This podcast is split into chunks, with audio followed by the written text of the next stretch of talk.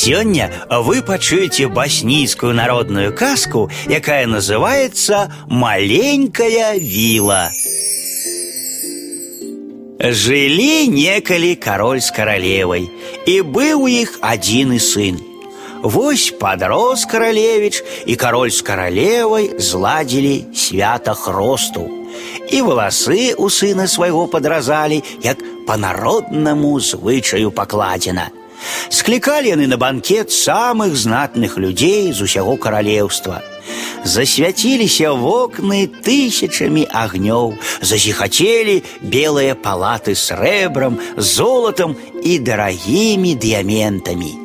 А ўвечары ў садзе сталі дзяўчыны карагот ладзіць, на якую не паглядзіш вока не адарвеш. Скачуць прыгажуні ў карагодзе і з каралевіча ласкавых паглядаў не зводзіць. Так, здаецца, і з'елі б яго вачыма. А поўначы госці разышліся, а каралевіч выйшаў пагуляць у гай, дзе раслі старыя ліпы. Глядзіць, а на паляне, азоранай святлом месяца, стаіць маленькая віла. Вілы мае маленькія, гэта казачныя істоты чараўніцы. У іх лёгкія валасы, як паветра, крылы, яны вельмі прыгожыя. Робяць тое ж, што і робяць русалкі. Але замест хвастоў у іх казліныя альбо асліныя ногі, якія яны хаваюць пад доўгай вопраткай. Віла была ў белым строі, які зіхацеў залатым шыццём. Доўгія валасы яе раскіданы па плячах, а на галаве зіхаціць залатая карона, абсыпаная каштоўнымі камянямі. І была гэта віла зусім малюсенькая, нібы лялечка. Спыніўся каралевіч і вачэй ад яе адвесці не можа. А яна раптам загаварыла, і галасок яе зазвенеў быццам срэбраны званочак. Даражэнькі каралевіч, Мяне таксама запрасілі на свята, ды я пасаромілася да цябе ў госці прыйсці. Вельмі я ўжо маленькая, А цяпер вось хачу павітацца з табой пры месяцы.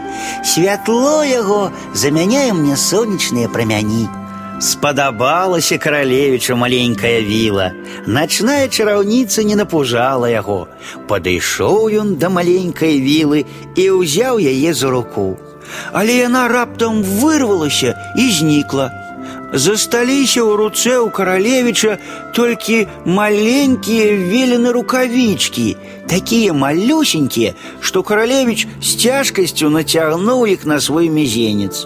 Засмучаны вярнуўся ён у палац і нікому ні слова не сказаў пра тое, каго бачыў у старым гаі. На наступную ноч каралевіч зноў выправіўся ў гай. Блукае ён пры святле яркага месяца, усё шукае маленькую вілу, а яе нідзе няма. Засмуткаваў каралевіч, узяў з-за пазухі рукавічкі і пацалаваў іх. І ў той жа момант перад ім паўстала віла. Каралевіч да таго ўзрадаваўся, што і сказаць нельга. Сэрца ў грудях так і закалацілася ад шчасця. Доўга яны шпацыравалі пры месяцы, весела балбаталі адзін з адным. І дзіўная справа, пакуль яны размаўлялі, малютка віла на вачах у каралевіча прыкметна падрасла. Калі надышоў ім час раставацца, яна была ўдвая большая, чым у мінулую ноч. Цяпер рукавічкі не налазілі ёй на руку, і віла вярнула іх каралевічу са словамі. Возьми рукавички у заклад и добренько беражи их. Сказала, и у той же мгненне знікла. Я буду захоўваць твае рукавічкі у сябе на сэрцы, усклікнуў каралевіч. З тых часоў кожную ноч каралевіч і вілла сустракаліся ў гаі пад старымі ліпамі. Пакуль светіць сонца, каралевіч месца сабе не знаходзіць. Цэлы дзень сумуе ён па сваёй вілле, чакае не дачакаецца, калі ноч надыдзе і месяц на небе прагляне і ўсё варожыць. Ці прыйдзе сёння моя віла. Каралевіч любіў маленькую вілу ўсё мацней і мацней. а вілла кожную ноч становілася ўсё вышэй. На девятую ночь на поўню віла параўнялася ростам з каралевічам. Цяпер я буду прыходзіць да цябе кожны раз, калі месяц выплыве на небе. Весело прамовіла віла пяшчотным сваім галаском. Не, дорогая моя, не могу я без тебе жить. Ты повинна быть моей. Я тебе зраблю королевной. Милый мой, отказывая ему Вилла, я буду твоей, але ты повинен мне обяцать, что все жыццё будешь кахать только меня одну. Абяцаю, абяцаю, не задумваючыся, закрычаў каралевіч. Абяцаю заўсёды кахаць цябе адну, а на іншых і глядзець не стану. Добра, толькі памятай, я буду тваёй толькі да той пары, пакуль ты застанешся верны свайму слову. Праз тры дні згулялі вяселле. Госці не маглі надзівіцца на прыгажосць маленькай вілы.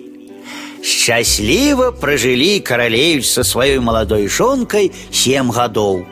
Але аднойчы у палацы ладзіўся баль. Сабралася народу процьма, сабраліся самыя прыгожыя знакамітыя жанчыны каралеўства. І была сярод іх адна чарнавокая прыгажуня з рудымі валасамі. Яна не танчыла, не весялілася, а неадступна мучыла позіркам маладога каралевіча.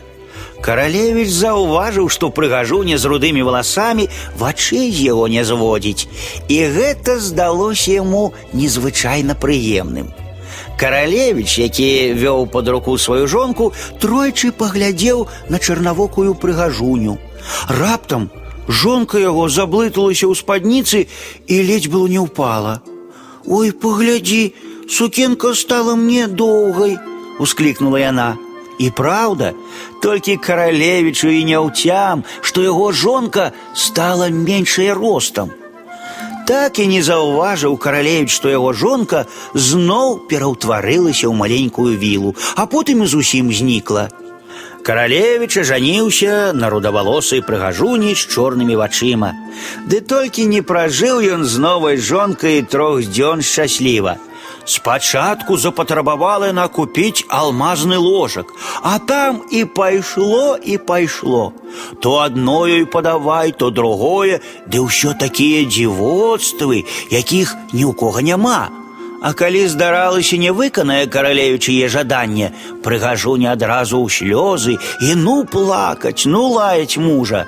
Да таго надакучыла яму чарнавокая прыгажуня, што не вытрымаў ён, выгнаў яе з дому. Толькі тады зразумеў каралевіч, што ён нарабіў. Гаруе ён уздыхае па маленькай вілле, і зноў толькі выплыве месяц на небе, ідзе каралевіч у гай, дзе растуць старыя ліпы і кліча сваю мілую, добрую вілу. Шукаў яе каралевіч шукаў, клікаў сваю вілу, клікаў, і ўжо састарэць паспеў, чакаючы яе. Ды толькі маленькая віла так і не вярнулася да яго.